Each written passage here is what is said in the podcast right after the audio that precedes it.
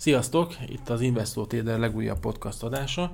Egy kicsit rendhagyó módon, mert most csak ketten vagyunk itt, Péter barátommal ülünk Sziasztok! itt. Marci elutazott, viszont azt találtuk ki, hogy úgyis terveztünk erre a hétre egy, egy felvételt, hogy csinálunk most egy kicsit rendhagyóbb beszélgetést, majd mindjárt elmondjuk, hogy ez miért lesz az, és a jövő hétre, vagy legkésőbb jövő hét utára pedig egy szokásos háromszereplős podcastadást is fogunk készíteni. Tehát a mai beszélgetés arra gondoltunk a Péterrel, hogy, hogy nem nagyon fogunk kiemelni mint ahogy eddig szoktunk, egy-egy részvényt vagy egy-egy instrumentumot, hanem egy picit általánosságokban beszélgetünk arról, hogy itt az elmúlt hetekben mi is zajlott le, vagy hogyan látjuk a, a következő heteket, mire számíthatunk. Ugye az biztos, hogy az elmúlt hetekben, de inkább azt mondanám, az elmúlt hónapokban nagyon mozgékonyak voltak a, a piacok, rengeteg olyan esemény történt, már unalmasig említve a Brexitet, vagy akár ezt az amerikai-kínai kereskedelmi konfliktust, ami, ami korvácsolja a kedélyeket, de rengeteg geopolitikai probléma is eh, fellépett itt az elmúlt időszakokban. A lényeg az, hogy, hogy erről próbálunk egy kicsit beszélgetni, hogy például ilyenkor milyen kereskedési taktikákat vagy stratégiákat szoktunk alkalmazni, vagy éppen mire figyelünk, vagy egy kicsit másodlagosan boncolgatjuk, akár a Brexitet, vagy akár például azt, hogyha itt a, a nagyon sok elemző által jósolt nagy visszaesés, hogyha elindul vagy bekövetkezik, akkor, akkor például azt mi mire számítunk ebben, vagy hogyan is látjuk ezt. Kezdeném akkor azzal, hogy még itt az adás elejét beszélgettünk, felvezetve ezt a, a, arról, hogy az elmúlt hónapokban hogy elég jelentősen estek a, a részvény árfolyamok, illetve az indexek is, hogyha például megnézzük a DAX indexet, és hogyha megnézzük a DAX indexből mondjuk megpróbáljuk kivenni az autóipari részvényeket, akkor ott azt látjuk, hogy elég jelentős visszaesés volt, és Péterrel e, ar- arról beszéltünk, hogy, hogy e, a következő hetekben, hónapokban is várható egy nagy bizonytalanság, illetve akár recesszió. És én arra e, azt mondtam erre, vagy arra, azt, azt kezdem el boncolgatni, hogy a grafikonok alapján ezek a részvények már elég sokat estek, de hát, hogyha azt nézzük, hogy 2008-ban durván mondjuk a BMW-nek az árfolyama 30 euró környékén volt, most pedig ennek a duplája, úgyhogy időközben volt 100 euró is, így tényleg nagyon nehéz kitalálni, hogy itt a következő időszakokban merre felé fog menni. Mindegy, kezdjünk el beszélgetni, vonjuk be egymást, akkor folytassuk, ahogy elkezdtük. Az egyik ilyen fő kérdés, hogy ugye hogy fog alakulni most az ősz a, a, az előbb itt a fölvezetett részvény árak tekintetében.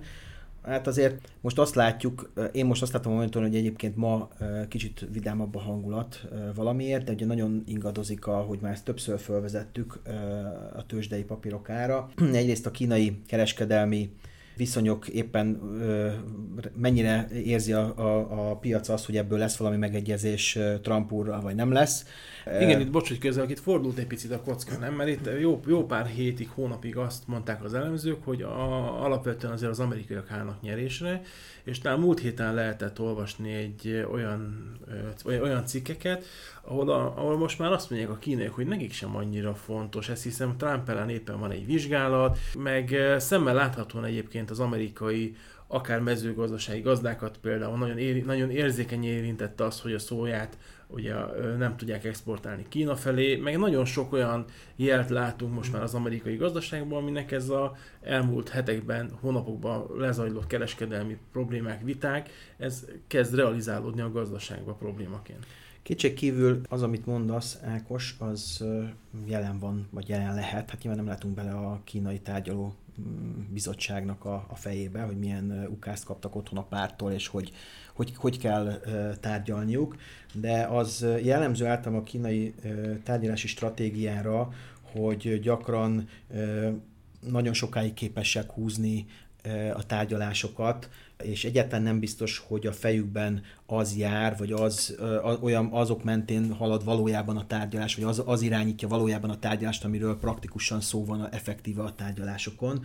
Valóban lehet egy olyan stratégiai fordulat is, ugye maga az impeachment komolyan a, a, a Trump, Trump, Trumpnak a hatalomfosztása, ez komolyan egy, egy néhány hete, gyakorlatilag pár napja merült föl igazándiból komolyan. Bocsánat, hogy megint közvágok, ugye itt meg megint azt is lehet, hogy ott is jövőre választás lesz, tehát azért ez a politikának egy sajátossága, hogy már felkészülve a következői választásra, elég keményen az ellenzék adott esetben támadja támpot. Hát igen, az, ott, az biztos, hogy ez egy fontos változás az amerikai politikában, hogy míg az elnök választás korábban jellemzően az amerikai nép dolga volt, és nyilván lehetett kívülről fogadni, az angol fogadóirodák azok sok évtizede mindig lehet fogadni az elnök választáson a, a különböző résztvevő felekre, de úgy tűnik, hogy a egy néhány éve, gyakorlatilag amióta Trumpot megválasztották, az úgy néz ki, hogy mintha a külföldi hatalmak is aktívan szeretnének valamilyen módon állást foglalni, így vagy úgy ebben a dologban, hogy aztán ugye ki mennyire aktívan, és ki mennyire csak, csak megfigyelőként, ezt nem tudjuk, ugye a, egy, a, egy Müller nevű speciális vizsgáló ez vizsgálta ugye a Trumpnak az orosz kapcsolatait, hogy esetleg a, a, az ő hatalomra kerülését, vagy megválasztását mennyiben és hogyan segítette e, esetleg a, a, a Oroszország. A, ugye azért sok minden kiderült, meg a, az oknyomozó újságírók is közben folyamatosan dolgoztak. Az biztos, hogy Trump körei, tehát azok az emberek, akikkel ő való, valójában körbeveszi magát, illetve a családtagjai is, vastagon érintettek különböző az orosz legfelsőbb hatalom közelében lévő emberekkel, különböző üzleti és egyéb kapcsolatok révén, úgyhogy egyáltalán nem lehetetlen, hogy valamilyen módon egyenlőre nem bizonyítottan és mm, ki nem derült, vagy, vagy csak részlegesen bebizonyított módon, esetleg az oroszoknak tényleg közük volt ehhez a dologhoz. Ugye az kiderült lényeg, hogy passzívan valószínűleg azért ők segítették a, a Trumpot olyan szempontból mindenképpen, hogy számukra a Hillary Clintonnak a, a hatalomra kerülése az számukra egy lényegesen kedvezőtlenebb helyzet lett volna, tehát még ha Trump nem is tudott erről, és nem is volt számára ez, hogy mondjam, tudott dolog, azért ez mindenképpen egy, egy, egy passzív segítséget kapott a, a, a, az oroszoktól. A kínaiak ugye most úgy szállnak be a, a, a, ezzel a kereskedelmi tárgyások révén számukra szintén húsba vágó módon szállnak be az amerikai, a következő elnök választási kampányba, ami tulajdonképpen már zajlik, hiszen több hete gyakorlatilag a, a különböző, mind a két nagy párt ugye alapvetően a, a, a próbálja a, belül a, a saját jelöltjeit kiválasztani, hogy nyilván a republikánus pártnál viszonylag egyértelműen adódik, hogy, hogy, hogy Trumpot indítja, a demokratáknál pedig hát van egy csomó jelölt, akiknek különböző támogatottságuk van a párton belül. Egyelőre nem tudjuk még, hogy, hogy Biden alelnök vagy Warren szenátor asszony lesz majd a befutó, ugye ők most a két nagy favorit. Az biztos, hogy a kínaiak igyekeznek letenni a voksukat, vagy nem lehetetlen, hogy ahogy itt az Ákos az előbb fölvezetve próbálják letenni a voksukat a valamerre. Lehet, hogy ők igazándiból nem Trumpal szeretnének már megegyezni, hanem, hanem csak húzzák a tárgyalást, tehát egyfajta, egyfajta tárgyalási stratégiának tekintik ezt. Már hát olvastam arról, hogy a diplomaták próbáltak erről szavazni, vagy, vagy, vagy valami iránymutatást adni, hogy szerintük a, az elnökválasztást, tehát a jövő évi amerikai elnökválasztást ki fogja megnyerni.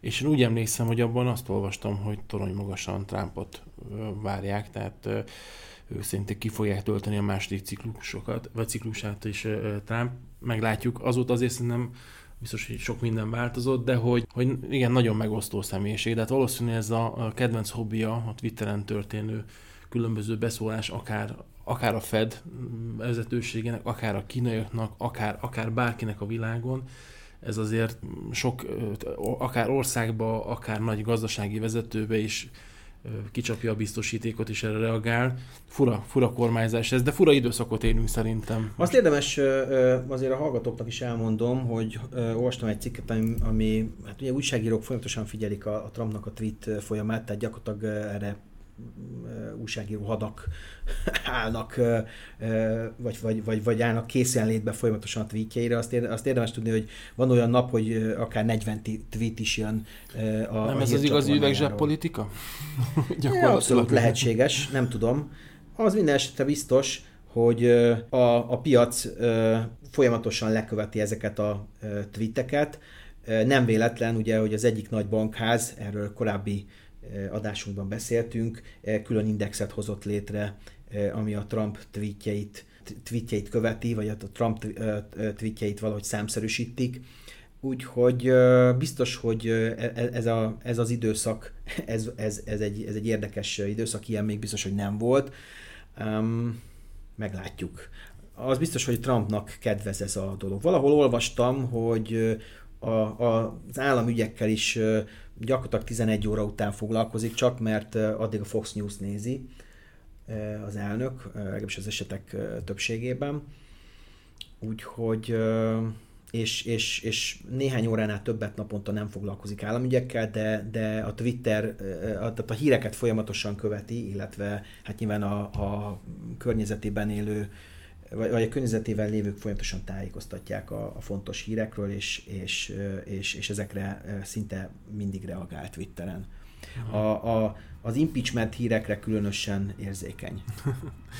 Ha térjünk egy kicsit szerintem át Európába, Amerika után. Ugye itt azért az elmúlt, mondhatom azt is, hogy is talán hónapokban a forintnak az árfolyama azért nagyon-nagyon sok befektetőt az idegén játszott az, hogy a forint meddig tud elgyengülni, illetve különböző vélt valós történeteket próbáltak emögé tenni. A lényeg az, hogy bőven 330 fölé gyengült itt a forint az elmúlt időszakban, és az egyik valós háttér lehet az, amiről nagyon sok elemző beszél, hogy ezért a magyar gazdaság az jelentősen be van csatornázva a, a német gazdasághoz, vagyis a német gazdaságnak az alakulása az jelentősen befolyásolja adott esetben így a magyar gazdaságot, és így a, a forintnak az árfolyam alakulását is. És beszélgettünk arról is, és akkor ezt is vonjuk be itt a hallgatókat, beszélgettünk arról, hogy például akkor a német autógyártók, vagy a német nagy cégeknek az alakulása, hogy itt azt lehet látni, hogy azért elég jelentősen gyengült a, a, a német piac, illetve az autógyártóknak a részvényei is. E, e, az elmúlt években persze ebben volt például a Volkswagennél ez a dízelbotrány, vagy kitérhetünk arra, hogy a nagyobb autógyártaknak ez a ez a vámháborús díj, ezért ez egy borzasztó nagy kérdőjel, egyáltalán, hogy, hogy indítsanak-e különböző gyárakat a, akár Amerikába, akár például a BMW ugye itt Magyarországon, hogy megépíti ezt a gyárat, vagy nem, itt mert mi, folyamatosan megy a találgatás, vagy akár a Mercedesnél a fejlesztés, ugye legutoljára Győr, a Győri Audinál ott mentette meg talán a, a, az egésznek a lelkét, hogy az Audi bejelentette, hogy a következő években nagyon erőteljesen fog az elektromos motorok felé elmenni. És a lényeg az, hogy ez, ez az Audi gyárba fog készülni, tehát mondjuk az, hogy ez, ez egy pipa, de a többi, akár a BMW, vagy akár a Mercedes gyár az mondjuk adott esetben Magyarországon is kérdőjel lehet. Tehát a lényeg a kérdés az, hogy, hogy te hogy látod ezt a német gazdaságot, illetve adott esetben ezeket a nagy bástyákat, az autógyártókat, Mit mondanál most, hogyha... Hát én azt látom, én, én, én megmondom őszintén, én egy kicsit hogy mondjam, jelenleg borús képpel vagyok úgy általában az európai gazdasággal kapcsolatosan, és ezen belül a német gazdaság. Ugye az, nyilván mindenki tudja, hogy a német gazdaság húzza nagyjából Európa szekerét. A német gazdaság, különösen most úgy, hogy az Európai Unióból ugye éppen a Brexit kapcsán, majd meglátjuk, de 31-ével nagy valószínűséggel távozik Nagy-Británia, mi még szintén egy komoly motor volt. Természetesen a francia vagy az olasz gazdaság is viszonylag nagy, erőteljes, de azért a, az olasz gazdaság összességbe véve inkább a problémákat szoktuk olvasni szerintem a gazdasági szaksajtóban, és hát azért az sem titok, ezt, ezt is leírják az elemzők, hogy Franciaország sincs annyira hogy mondjam, a költségvetési egyensúlyában,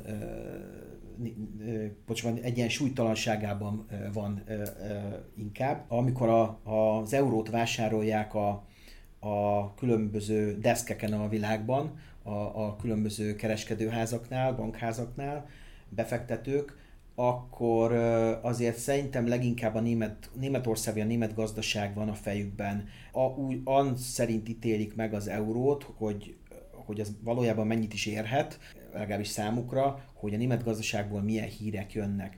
Ha a német gazd... Ráadásul a német gazdaságnak ugye az is, az is egy ilyen kulcs szerepe, hogy a, a többi nagy gazdaság is, meg a kisebbek is általában valamilyen módon, de elég szerves részesei a német gazdasági láncolatoknak, vagy ezeknek a feldolgozó részegységeknek. Hát ezt Magyarország példáján jól tudjuk, de hát ugyanez van Szlovákiában, ugyanez van nagyjából Csehországban, különböző mértékben, de elég jól integrálódnak a német gazdaságban, a német iparral. Tehát ha Németországgal valamilyen módon probléma kezd lenni, már pedig az utolsó hónapok makroadatai elég egyértelműen mutatják azt a feelinget, hogy, hogy valószínűleg már túl vagyunk a, a növekedés, vagy a gazdasági növekedés zenitjén bőven Németország esetében, legalábbis ebben a ciklusban, azért az mindenképpen egy, egy figyelemre méltó dolog lehet, mármint ezeknek a vásárlóknak, ezeknek az euróvásárlóknak, vagy eladóknak, hogy, hogy, hogy milyen hírek jönnek e, e, ebből az országból. Azt érdemes még látni, hogy ha rossz hírek jönnek, akkor, akkor a, a, az euró az tovább gyengülhet, ami egyébként az exportnak jót tehet, tehát nyilván mm, különösen ha dollár erősödik, könnyebben vagyunk képesek értékesíteni Európából a, a német árucikkeket, de azért az látszik, hogy alapvetően ezek a hagyományos iparágok, amiben Németország erős, autóipar, gépipar, ezek valamilyen szinten, ebben most van egy, egyfajta ilyen világméretű meg bicsaklás. Talán szoktam említeni a, a, a réznek a, az ár, árfolyamát itt a különböző adásokban, amit érdemes figyelni, az általában mutatja, hogy a gazdaságnak a gazdasággal kapcsolatban milyen elvárások, vagy, vagy milyen, egyetem milyen, milyen elképzelések vannak. Magyarul, a, hogyha emelkedik a rézára, akkor ha emelkedik pörgősebb a, gazdaságra számít. Ha emelkedik a rézára, az azt jelenti, hogy keresik a rezet, az azt jelenti, hogy, hogy bizony arra azt azt várják, vagy az várható, hogy, hogy a gazdaság, amiben nyilván felhasználják ezt az alapanyagot, az bizony pörögni fog. Utóbbi időben azért, azért nem ezt látjuk, nem ezt érzékeljük. Maga az, a, az az ipar, azok az iparágok, amiben Németország erős, ez is vált, ennek, ennek is van egyfajta változása a világban a Németországban az európai piacokon mm, kívül, ugye főleg a Ázsiában nagyon erős a német nagy koncernek, nyilván a, a, az autógyártás, gépgyártást hova, hova adnák el máshova hatalmas tömegben, mint például Kínában, hiszen Kína hagyományosan nem szeret japán autókat vásárolni, vagy legalábbis ez volt a trend, a, a kínai és a japán ellentét az, az hagyományos. A Ázsia többi országában viszont nagyon szeret japán ö, autókat és japán ö, gépeket, technológiát vásárolni. Tehát a, ahol a németeknek Ázsiában komoly keresni valójuk van, az főleg Kína. Most ez Kína e, ezt a fajta felvásárló szerepét, ez hosszú évekig biztosította, és azonban a kínai technológia is változóban van, e, és itt nem csak a kereskedelmi háború kapcsán ez a, ez a fajta bizonytalanság van a háttérben, hanem az is, hogy közben e, fölépült a kínai e, saját autóipar.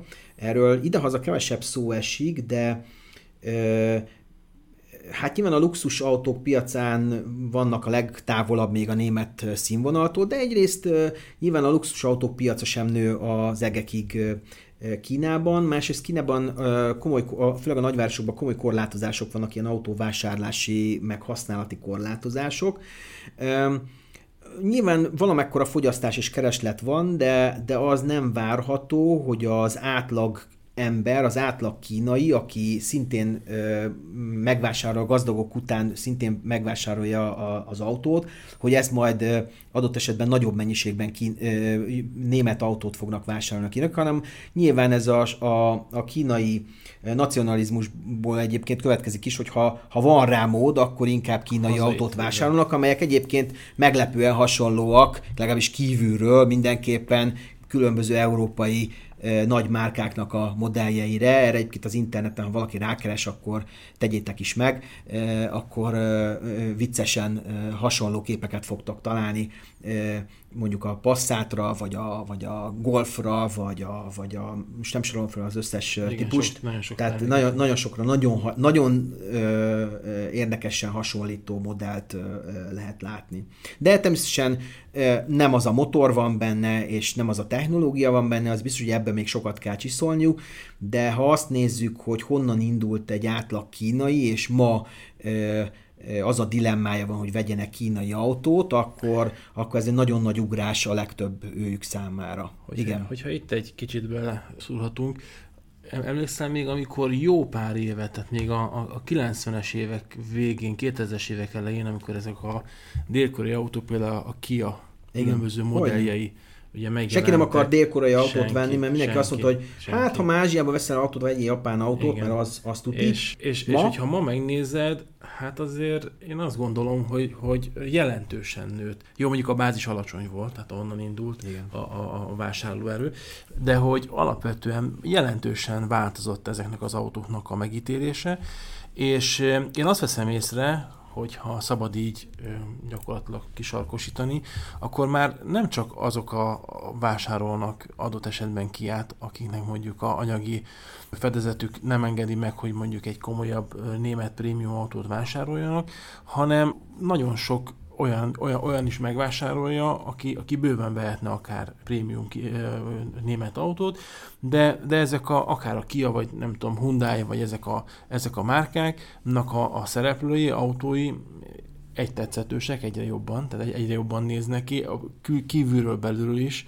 egyre európaiabbak, egyre, egyre komfortosabbak, és, és anyaghasználatban is, és minőségben is alapvetően. És hát ne felejtsük el, hogy talán ezeknél az autóknál volt először ez a 100 ezer kilométer, vagy 5 év garancia, azért az, az nagyon meggyőző tud lenni egy magánszemély esetében, és amikor azt mondják, hogy a következő 5 évre, vagy talán volt ilyen, hogy 7 év is, ezekre az időszakokra semmi más nem kell, csak beviszed a szervizbe, a kötelező szervizbe, és, és erre, ezekre mind garanciát vállalnak. Ezek, ezek már valamiféle minőséget is eh, sejtetnek, valamiféle jó minőségét is sejtetnek a háttérbe, zárójel bezárva, és akkor elkövethető, hogy ezek a kínai autók, amiről beszélgetünk, aminek rengeteg, tehát ilyen kopintott autók, de e, közben azért a kínai piac is, vagy kínai ipar is, ahogy fejlődik, kialakulhatnak olyan saját autók, és fejlődhetnek olyannyira, hogy igenis ez a hatalmas nagy belső piacnak egy részét le fogja tudni fedni, és akkor itt megint behozhatjuk a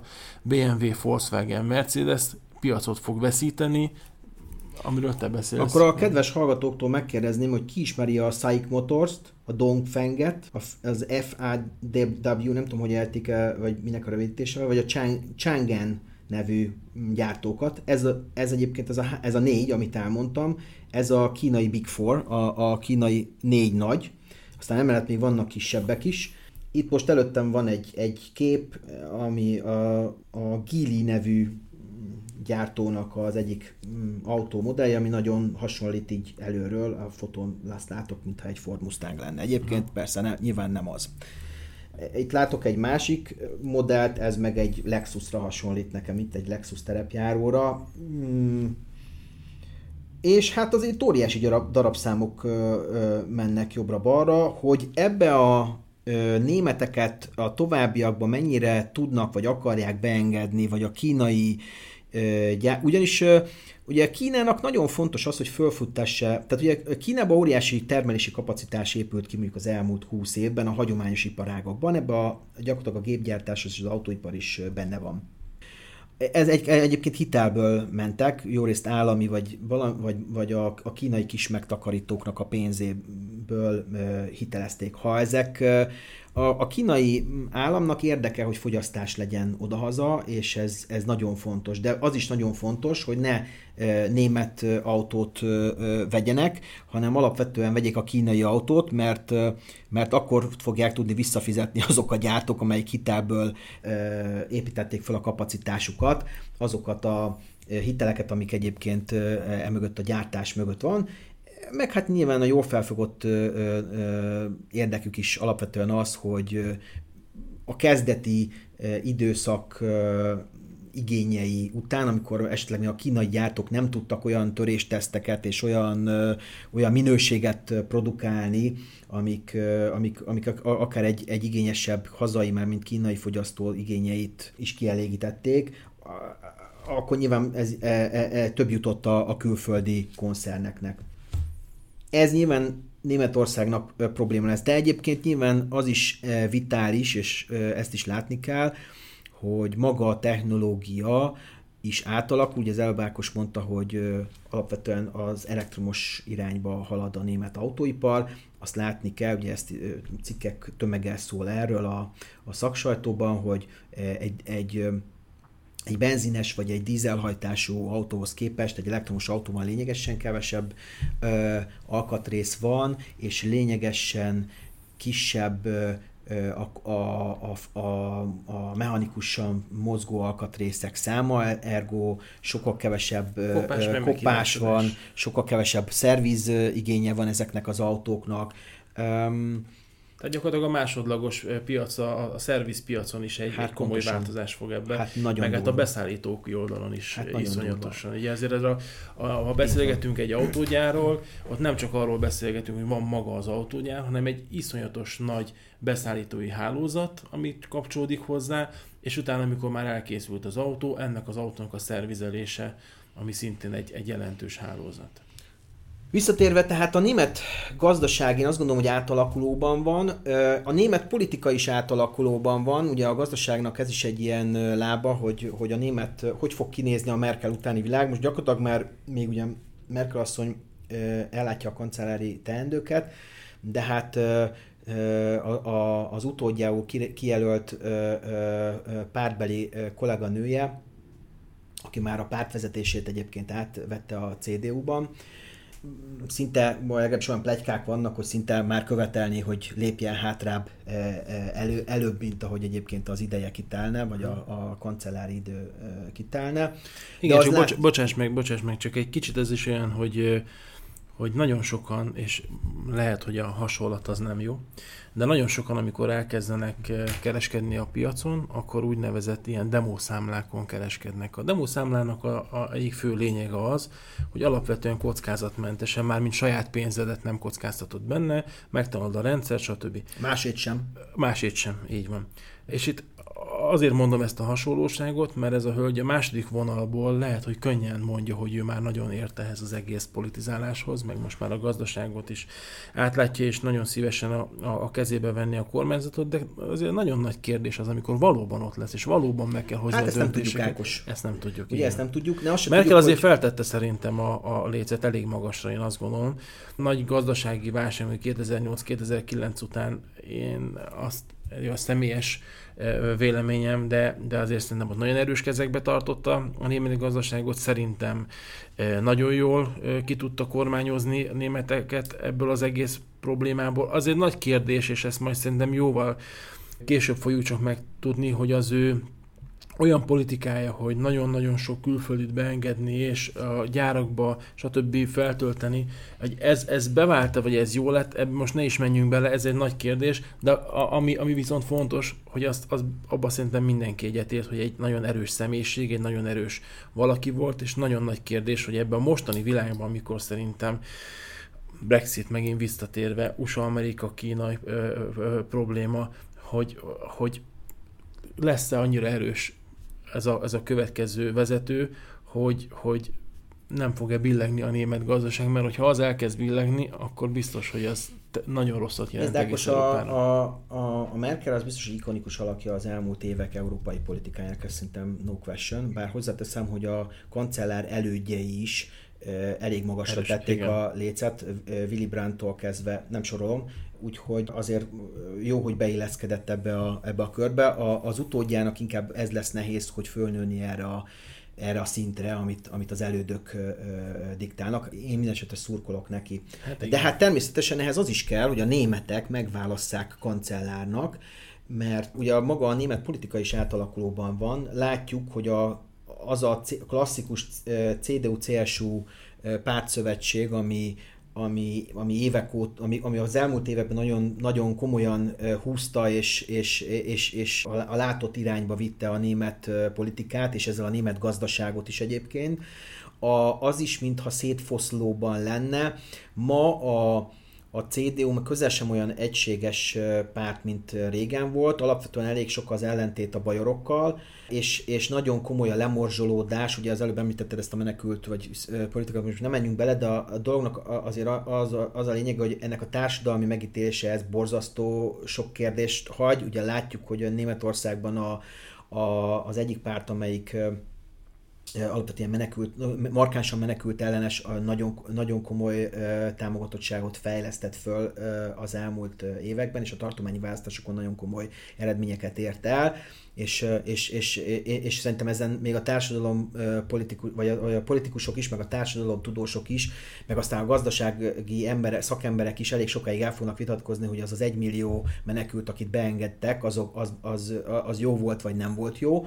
A, a, úgy néz ki, most a számok, ezt egy, egy, egy cikkből olvastam nem olyan régen, amelyik ezzel foglalkozott, hogy úgy néz ki, hogy a, a német gazdaságnak jót tett ez a dolog, de nem ez az egyetlen egy szempont van egyébként, és ezt én teljesen validnak és elfogadhatónak tartom, hogy gazdaságilag mi jó. El simán el tudok képzelni olyan dolgokat is, hogy gazdaságilag sok minden jó, de, de azért akár elkör, erkölcsileg, akár teljesen más, hosszú távú érdek mentén lehet, hogy ez mégsem volt jó ez a, ez a, ez a gondolat. Hozzáteszem, hogy a németeknek olyan szempontból volt ebbe tapasztalatuk, hogy ugye a, gyakorlatilag a 70-es évek óta folyamatosan egy, egy elég komoly, nagyjából két-két és fél milliós török kisebbséget engedtek meg, be, meg a, a, ami, ami, bocsánat, ami kultúrájában nagyon eltért a, a, attól a, a, a mm, keresztény, hát ugye német kultúrától, ami, ami, ami volt, és azért a, a, az oda beérkező törökök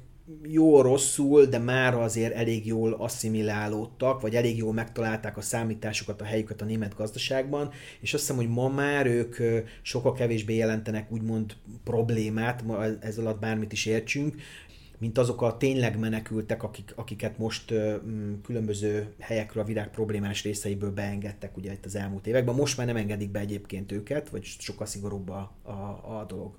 És ugye a törökök előtt meg az olaszok mentek, hiszen a háború után, amikor gyakorlatilag Németországot teljesen lepusztították, akkor uh, ugye a háborúban a rengeteg férfi eltűnt, elesett, meghalt, és egyszerűen a, ilyen történelmi könyvekből lehet utána olvasni, hogy rengeteg olasz ment akkor, de nem is az a lényeg, hanem a lényeg az, amit mondasz, hogy valóban németeknek azért ebben már volt elég jó tapasztalatuk, zárójelbe zárva.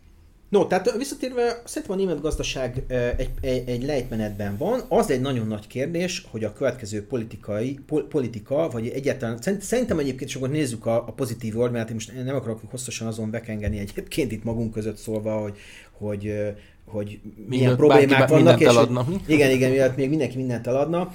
Talán erre azért nem lesz szükség. Szerintem a, a a, én, én úgy látom, hogy a, a, mi kell a világ befektetőink, de én most teljesen csak megint csak egy szálat fogok meg a rengeteg közül, mert itt is nagyon sok szál van, egy befektetői szállat, tehát ha én azt nézem, hogy egy amerikai deskről ma nézem Európát, de vagy nézhetem egy szingapúri deskről is ma Európát, tehát azt mondom, hogy kicsit Európán kívülről tekintek Európára, akkor én azt mondanám, hogy ezek lennének a headline-ok számomra, de hát nyilván ezeket a a, a Bloomberg alkalmazás oda is teszi mindenkinek egyébként, vagy, vagy amit használ, hogy alapvetően egy ilyen recesszió felé hajló gazdaság, ha egy ilyen, egy ilyen fokozódó politikai bizonytalanság, ugye gondolok itt akár erre ez a, ez a menekült a, a kérdés, hogy a, a keleti tagországok versus nyugati tagországok, a déliek versus az északiak, a Brexit, a, ez a, ez a fajta német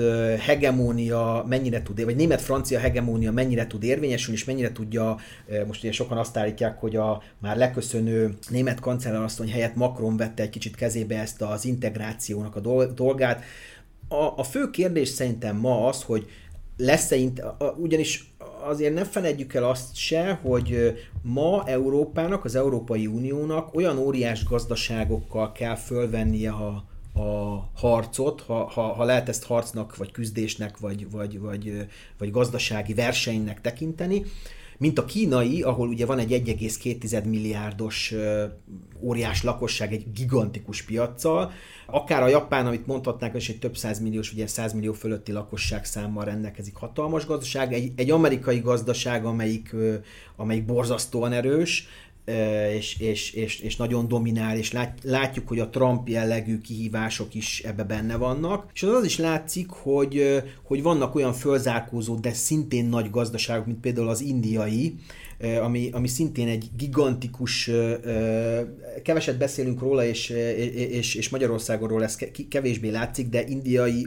India óriási léptekkel zárkozik föl, és én azt gondolom, hogy tíz év alatt nagyon, nagyon föl fog zárkozni valahol a kínai szint irányába, sok tekintetben. Nem tudjuk még biztosan, hogy, hogy kicsit más a két társadalom, és máshonnan is indulnak, és mások a történelmi mm, hagyományok, meg a lehetőségek, de ez biztos, hogy, hogy ez, ez is egy, egy hat. Most ezzel kell egy, egy ilyen, azt hiszem nagyjából Európa ilyen 600 milliós lakosságának durván összefognia, vagy, vagy, vagy egyben tartania, sok olyasmi hangzik el, hogy Európa gyakorlatilag ugye valamikor a, a világtörténelem fősodrába volt, vagy meghatározó irányába volt, aztán nagyjából ez átkerült Észak-Amerikába, és most nagyjából a kínai-amerikai tengely mentén fog eldőlni, a, a, vagy, vagy, vagy hosszabb ideig valószínűleg ennek mentén ö, halad majd a világ, ö, ö, ö, és, és gyakorlatilag Európa szélre sodródik, illetve talán a, a többi hatalmaknak érdekük is egyfajta gazdasági, hát ez erős szó, hogy kolonizáció talán, de, de pont ezt kellene kivédenünk. Ezt viszont csak együtt lehet kivédenünk, mert, együtt, e, mert egy-egy ország, még a németek is, vagy legfeljebb a németek olyan erősek, akik e, ezekkel a nagy gazdaságokkal egyetem pariba vannak, az összes többi ország ennél sokkal kisebb. Tehát csak gazdasági szempontból, ha tekintem a dolgot, és nem tekintek most semmilyen más egyéb szempontra, akkor valójában az az érdek, vagy az, a közös, az lenne a közös hogy ezek az országok, ezek a népek valamilyen módon összefogjanak, a gazdaságokat és az azt kiszolgáló különböző állami gazgatási struktúrákat jobban összetolják, és, és nyilván így vegyenek részt a, a versenyben. Ez nyilván egy csomó érdeket sért, egy csomó helyi más problémát is fölvet, például olyanokat is, ami, ami most ugye szintén a, fősod, a vitas fősodrában van, hogy például hát általában a déli országok, de most konkrétan Olaszország meglehetősen eladósodott. A németeknek eszük ágában nincs az olaszoknak a cehét fizetni, nem is biztos, hogy reális lenne, mert, mert, a két, mert egyszerűen olyan nagy a, a, ez, a, ez az adósságtömeg. De, de nyilván az olaszok meg hallani nem akarnak arról, hogy ők nemze, az, az ő nemzeti büszkeségük, ami nyilván nem tudom, iszonyat régre vezethető vissza történelmi okokból, hát ez e, e, e, e, hallani se akarnak, ugye nagyon erősek a, a, a több országban is a, a nacionalista mozgalmak, pártok. Na, olaszoknál a belső eladósodottság nagyon nagy, nem? Tehát az, a belső eladósodottság nagy, így van. Igen, de az általában azért én azt gondolom, bár lehet, hogy ezt rosszul látom, én azt gondolom, hogy, hogy az aztán nem annyira zavarja adott esetben egy, egy, egy adott ország vezetőit, hiszen ha, ha a külső lenne, akkor azt valakinek finanszírozni kell, onnantól fogva az meg már beleszól az irány, vagy jobban beleszólhat az irányításba. Hát nézd, én most itt azt látom, hogy az olasz adósság, az, ez 2018-as adat, az az, a, az államadóság az a GDP-nek a 132,2%-a, ez azért elég tetemes. Nagyon sok. Míg Németországnak ugyanúgy 2018-ban 60,9, Franciaországnak nem kevés, szintén 98,4 százalék. Igen, nagyon nehéz, hogy egy, egy ilyen színes térképen, gazdaságilag színes, meg egyébként is színes térképen ezt, ezt valóban egy, egy egységesen hozni, már pedig én is azt gondolom, hogy csak így lehet, hiszen nagyon sok frontról támadják. De hangsúlyoznám, mielőtt még bárki bármivel vádolna a podcast szerzőit, hogy ez csak egyetlen egy szempont, nem ez az egy szempont így van, van. Rengeteg, nyilván erre van az Európai Unió, és erre van az a fajta törekvés az Unió most újra alakult parlamentjében, hogy ezt erről viták, zaj, viták folyanak nem csak a parlamentben, hanem a, az, az egyes országokban is, hogy mik azok a... Nyilván vannak olyan területek, amiket már is összet, hiszen a csatlakozás feltételei voltak bizonyos, bizonyos például jogrendszernek a harmonizálása, vagy az Európai Bíróság fennhatóságának az elfogadása, stb. stb. Tehát ezek, ezek megvannak. Nyilván a kérdés az az eurónak a, a, a, a sorsa. Ez az euró Csak amúgy ez... is egy nagyon nagy probléma, mert ugye látjuk, hogy amíg az északi országoknak ez, ez egy komfortos sztori, addig a, például pont Olaszországban, vagy ugye előtte láttuk Görögországnak, ez egy nagyon-nagyon komoly így probléma van. volt, hogy eurójuk volt. Azért nem akarták elengedni az eurót, semmiképp sem, azért az látszott, és Görögország nagyon szépen kikeveredett ebből, de nagyon kínos, hogy mondjam, évek állnak a görögök mögött, és, és, és nem lehetetlen, hogy ezt az olaszoknak is valamikor ezt a békát majd le kell tolni a, a torkukon, vagy így, vagy úgy. Ez, ez, ez elől egyébként most nyilván menekül az olasz ö, ö, politika, mert akkor számot kéne adni a lakosságnak, hogy akkor ami történt az eddigi években. Amúgy is az olasz politika vagy az alkotmányos berendezkedés miatt elég, elég komplikált. Látszik, látszik hogy a, a kormányoknak az hossza az nem túl... Igen. Európában a legrövidebb, azt a, a, a, Így van, így van. Az egyik legrövidebb mindenképp. Igen. Igen.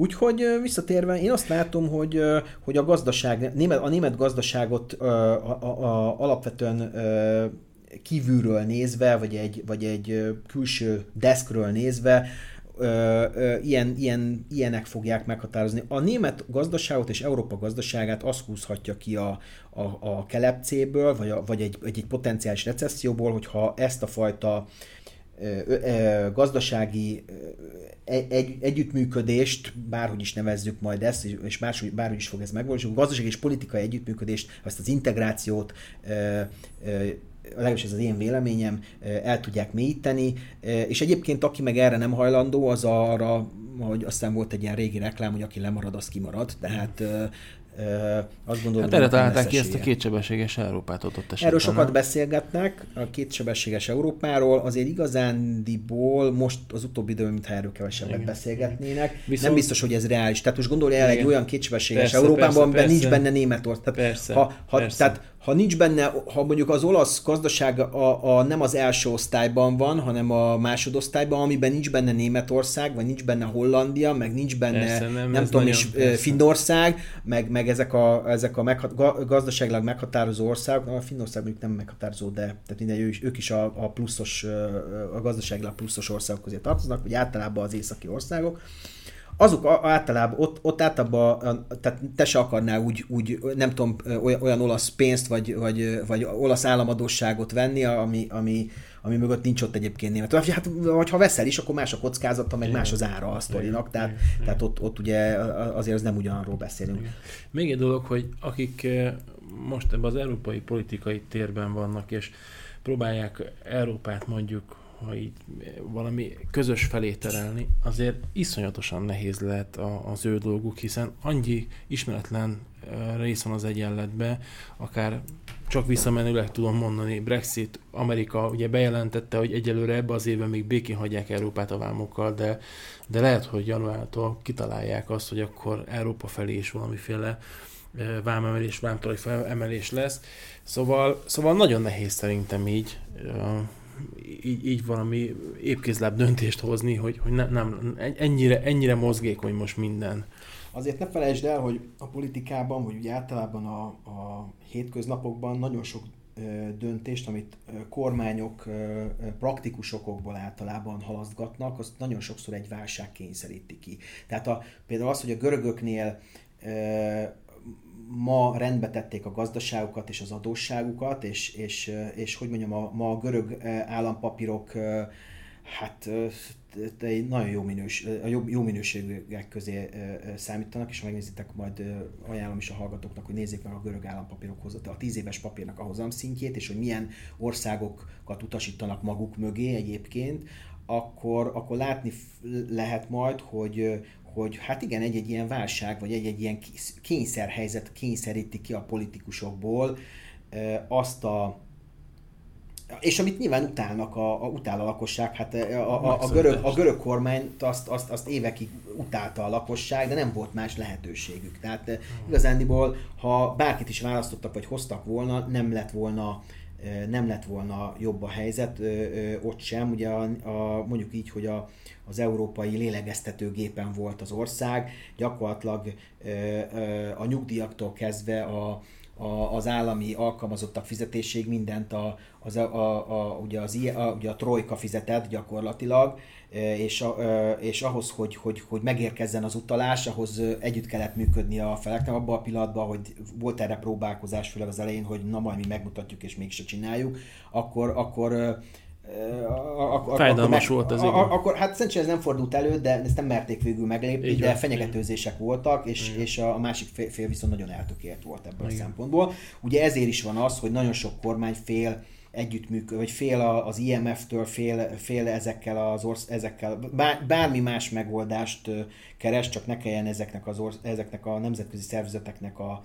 a segítségét kérni, mert itt, itt bizony nagyon fájdalmas lépések következhetnek akkor, aminek nyilván politikai kockázata van oda-haza számukra. Um, Jó. Ha van kedved, egy picit térjünk vissza most a hazai pályára, forintra. Beszélgetünk egy picit róla, hogy Hát Ákos, Ez most a, azt látom, hogy egy picit, picit lejjebb kanyarodott egyébként az Igen. árfolyam. Én, én, miközben az adást készítjük, ugye ma október 10-e van, és a, a mai napon egy viszonylag érdekes forint erősödés van. Az a, most a készítés ideje alatt 332-50 környékén jár. Már kereskedési idő, tehát a, a bétkereskedési idő után járunk, 6 óra környéke van, de a lényeg az, hogy, hogy már nagyon sokat erősödött a forint itt szemmel láthatóan.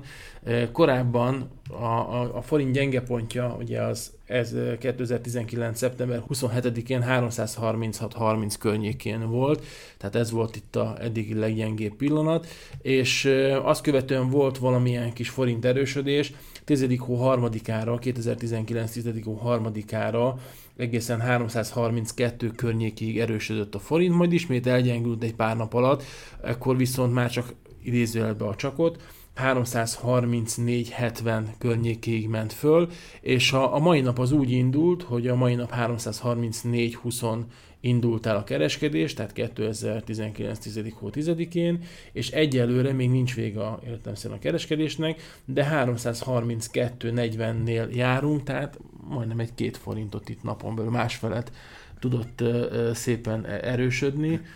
Úgyhogy meglátjuk. Én szerintem nagyon fontos szint lehet ez a, ez a 331, 50, 332-es szint, ami egy lokális mélypont volt itt pár nappal ezelőtt, hogyha most a grafikont nézve, hogyha ez a szint elesik, mármint hogyha a forint tovább erősödik, akkor azt megelőzően egyébként 328-329 forint között volt egy, egy ilyen lokális mélypont.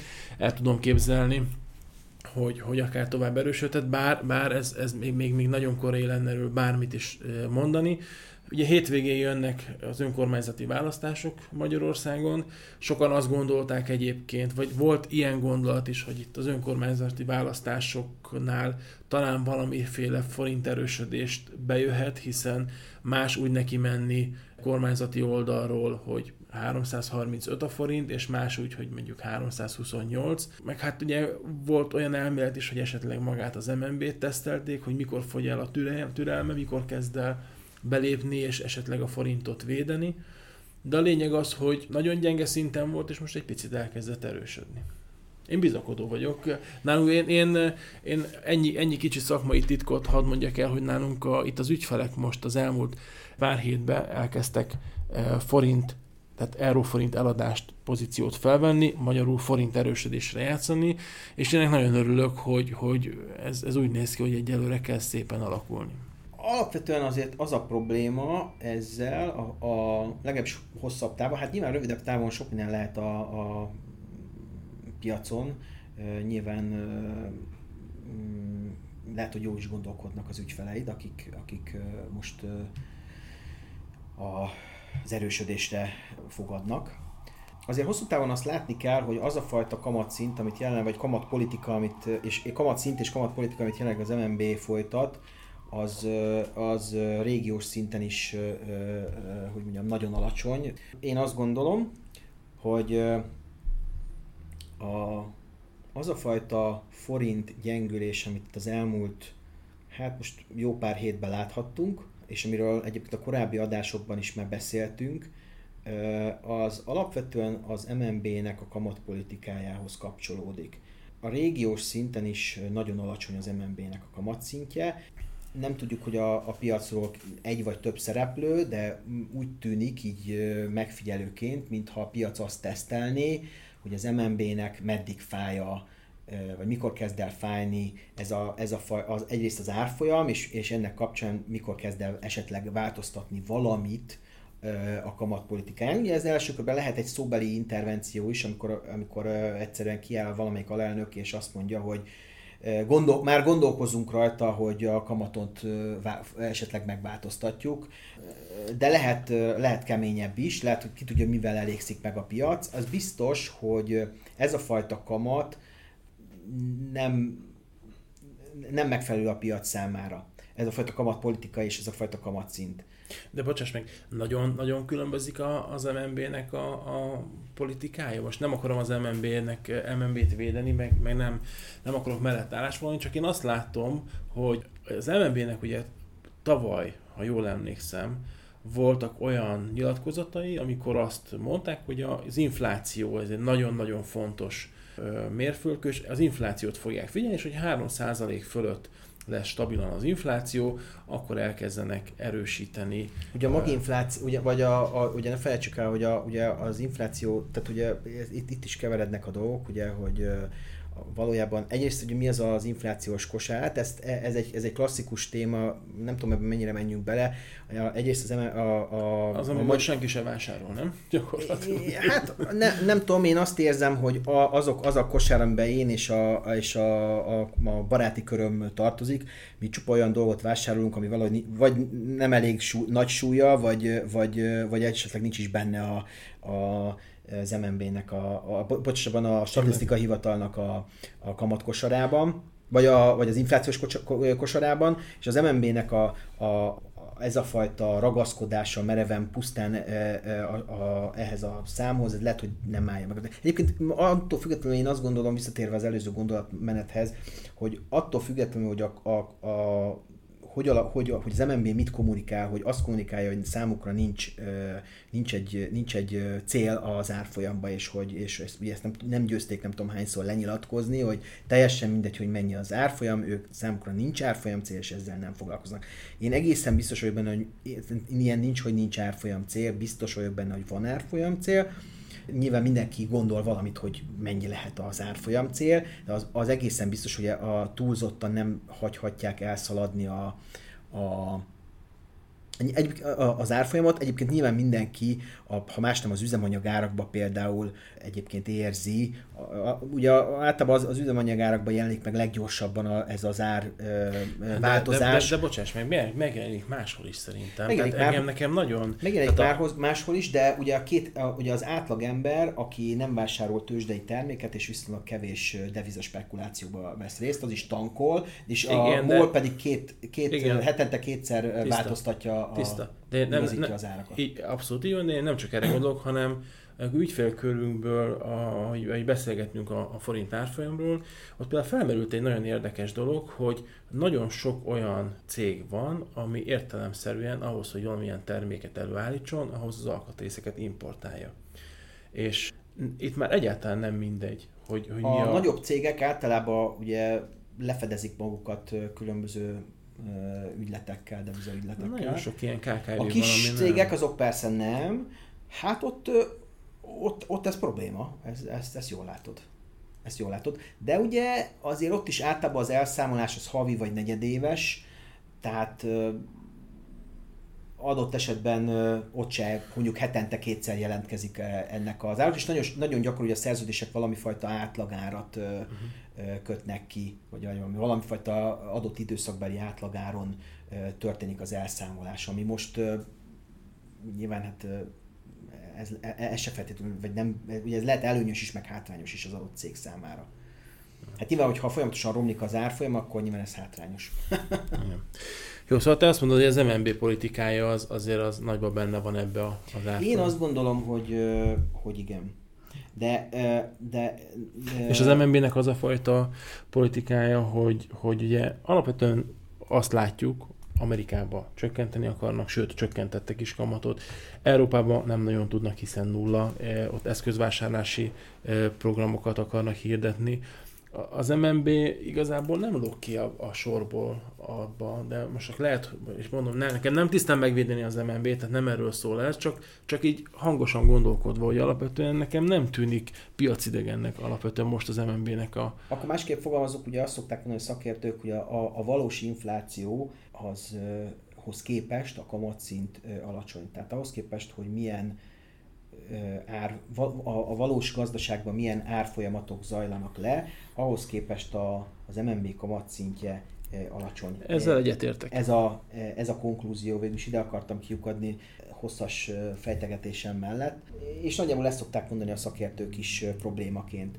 A, a, azt is gondolom, hogy a, ha körbenézel itt a környező országokban, nem tudom, Román ö, Nemzeti Bank, Lengyel Nemzeti Bank, Cseh, és Cseh, Cseh Nemzeti Bank, tehát, tehát ezeknek, a, ezeknek a saját devizával rendelkező, még nem euró árfolyamon lévő európai, ám de Európai Uniós régiós országoknak, ha megnézed a, a, a devizáinak a, a kamat, kamatait, akkor azt látod, hogy ezek magasabbak. Akár lényegesen magasabbak. És hát nyilván ehhez kellene ehhez kellene igazodnia a, az, az MNB-nek is. Az, hogy ilyen alacsony a, a, a kamatszint, hát ugye erre minden, vannak ilyen alusapkás elméletek, tehát ugye, hogy, hogy nem tudom, a, a, a, hogy ezzel megtolják a, a tehát ugye esik a, a, a az árfolyam, ezzel tolják a helyi multinacionális cégeknek a szekerét, meg még van egy csomó ilyen alusakkás elmélet, amit nem tudom, hogy így van-e, logikusnak, logikusnak hangzik egyik másik, de hogy aztán ez, ez csak egy, hogy mondjam, egy pozitív következménye a, a, a, éppen a multinacionális cégek számára, és, és itt nyilván gondolok akár az autóipari cégek számára, akik ugye emlékszünk rá, hogy volt egy elég komoly béremelési Mm, és tiltakozási hullám, vagy egy ilyen sztrájk hullám, ugye emlékszünk az agyőri Audi sztrájkra, stb. De hát más cégeknél is voltak sztrájkok, ugye meg kellett emelni, a, és hát aztán voltak, ahol meg nem voltak sztrájkok, de, de egyébként meg azért, hogy ne menjenek el a dolgozók, utána kellett húzni a, a béreket a, a, a a, tehát magas meg kell temenni a béreket. Ugye ehhez, a, a, a, ahhoz azért, hogy ezek a multinacionális cégek e, e, valami terv, a, a terveiket tudják teljesíteni itt Magyarországon, ehhez e, nyilván akkor lerontották a Ford. De ez megint ilyen alapkás elméletét nem, nem tudjuk, hogy azért rontották el, most csak találgatunk, csak logikus is lehet akár, vagy van benne logika, hogy nem olyan nagy bajám, ha romlik a forintnak az árfolyama, mert ez, ez, ez megtolja ezeknek a cégeknek a, a szekerét, és egyébként azok a cégek, akik, ugye az előbb beszélgettünk a, a német autóiparnak a problémáiról, akik, akik lehet, hogy ez egyébként már gondolkoznának azon, hát ha még ha nem is a csomagoláson, de, de a, a, esetleg ahhoz, hogy, a, hogy, hogy, hogy mondjuk elbocsáts, el, elbocsássanak bizonyos munkaerőket, ami egyébként én úgy, úgy olvastam a sajtóból, hogy ez egyébként ez már van, ahol nagyobb mértékben, kisebb mértékben egyébként elindult, vagy az, hogy mondjuk kapacitásbővítéseket teljesen leálljanak, vagy az, hogy bizonyos, bizonyos mennyiségű kibocsátás, tehát a kibocsátásukat visszavegy, elkezdjenek visszavenni, ezek, lehet, hogy ezeket a gondolkodásokat egyelőre leállították, hiszen azt látják, hogy tulajdonképpen euróban nézve nekik nem, nem kerül többe a buli, hogy ilyen pestiesen fogalmazzak de persze ez egy lehet, hogy ez csak egy alusapkás elmélet, nem tudom, nem tudom neked erről mi a véleményed, Ákos. Igen, nagyon sok HRS szerintem úgy nyilatkozott mostanában, hogy, hogy alapvetően úgy építenek le, hogy amik megszűnnek állások, azokat nem töltik fel, és akkor még kivárnak. Meglátjuk. Én forintban egyébként most optimistán vagyok. Én azt gondolom, csak egy ilyen spekulatív elmélet alapján, hogy szerintem nagyon sokat gyengült a forint, és mi, amikor itt eh, forinttal eh, spekulálunk, akkor alapvetően ugye mi rövid, rövid távú ügyleteket próbálunk, és alapvetően mindig az a cél, hogy amikor például ilyen nap van, amikor eh, másfél-két forintot tud erősödni a forint, akkor azonnal elkezdjük a pozíciót stoppokkal védeni. Tehát a lényeg az, hogy, hogy ránézve a grafikonra, hónapok óta gyengül a forint, ez tisztán látszik, és egy gyengülő pályán van. Mi az ügyfelekkel többnyire ezeket a momentumokat próbáljuk meg elkapni, érvényesíteni, gyorsan, gyorsan reagálni ezekre, és én most látok arra esélyt, hogy legalább a, a forint itt az előző, tehát a, a október elejé e, mélypontig, tehát ez a 331 50-332-es szintig, azért nem mondok túl nagyot, mert 332-40-nél van, tehát eddig el tud erősödni, de, de igazából bátrabban is mernék nyilatkozni, tehát én azt gondolom, hogy valahol 328-330 közé a forint szerintem beerősödhet most. Én ezt várom, én ilyen pozíciót vennék fel, vagy vettünk fel úgy, és nagyon határozottan, hogy ezeket a pozíciókat szerintem most nagyon fontos jól menedzselni, és itt két dologra gondolok. Az egyik, hogy egy megfelelő pozícióméretezést kell szerintem alkalmazni, és a másik pedig folyamatosan stoppokkal követni adott esetben a, a magát a terméket. Jelen esetben ugye a forintot. Hát most nézem itt közben az interneten, például a, a lengyeleknél másfél százalékos a, a kamatszint, Romániában is magasabb, ami azt hiszem 0,9 százalékon vagyunk ugye most. Tehát Igen, tehát a környező országokhoz minden, képest... Itt, itt, itt nézek egy listát, itt most én minden, minden, mindegyiken azt látom, hogy, hogy mi vagyunk a, a, a, hogy mondjam, a után, utánfutók, hogy így mondjam. Úgyhogy és hát nyilván... nyilván no, de hát ez kormányzati oldalon is, hogy azért feszültséget okozott, hiszen Varga Mihály és Matolcsi is ellentétesen nyilatkozott a forintról. Hát ez most csak megint ilyen alusapkás elméleteink lehetnek el, ugye erről megjelentek különböző sajtó értesülések, nem tudjuk pontosan, hogy a, az, az ő mm, vitájuk mögött valójában mi áll. Na jó, de ez így roppantó nyúlt, hogy minden mögött összeeskés elméletet próbálunk felfedezni, ja, és nem, azt nem, is, nem, azt is megtámogatjuk egy másik összeeskés elméletet. Hát ilyen ez a világ. Tehát, hogy, hogy, hogy a mai világ az ilyen, hogy, hogy nagyon sok az, össze, az összeesküvés elmélet, és igazán biztos információt nem tudunk de, de, de elképzeléseink lehetnek róla. Hát nyilván, nyilván van, van egy vita a két politikus között, mások, más gazdaságpolitikát képzelnek el, valószínűleg Varga Vihály hogy mondjam, óvatosabb kérdés, de hát ugye máshol is vannak, más pozícióból beszélnek, más kormány pénzügyminiszteri, tehát pénzügyminiszteri pozícióból beszélni egész más, és a, és a, a büdzséért felelni, mint a, mint mondjuk az MNB éléről beszélni a kormányzati politikába, a kormányzati pénzügyi politikába, vagy gazdaságpolitikába. Hát erről még egyszer mondom, erről én ezt nem akarom ismételni, de erről rengeteg cikk jelent meg a sajtóban. Viszont az is elmondható szerintem, hogy azért ez a világszinten alacsony kamatszintek katalizátorként hathatnak mondjuk a spekulatív befektetőkre. Igen, abszolút.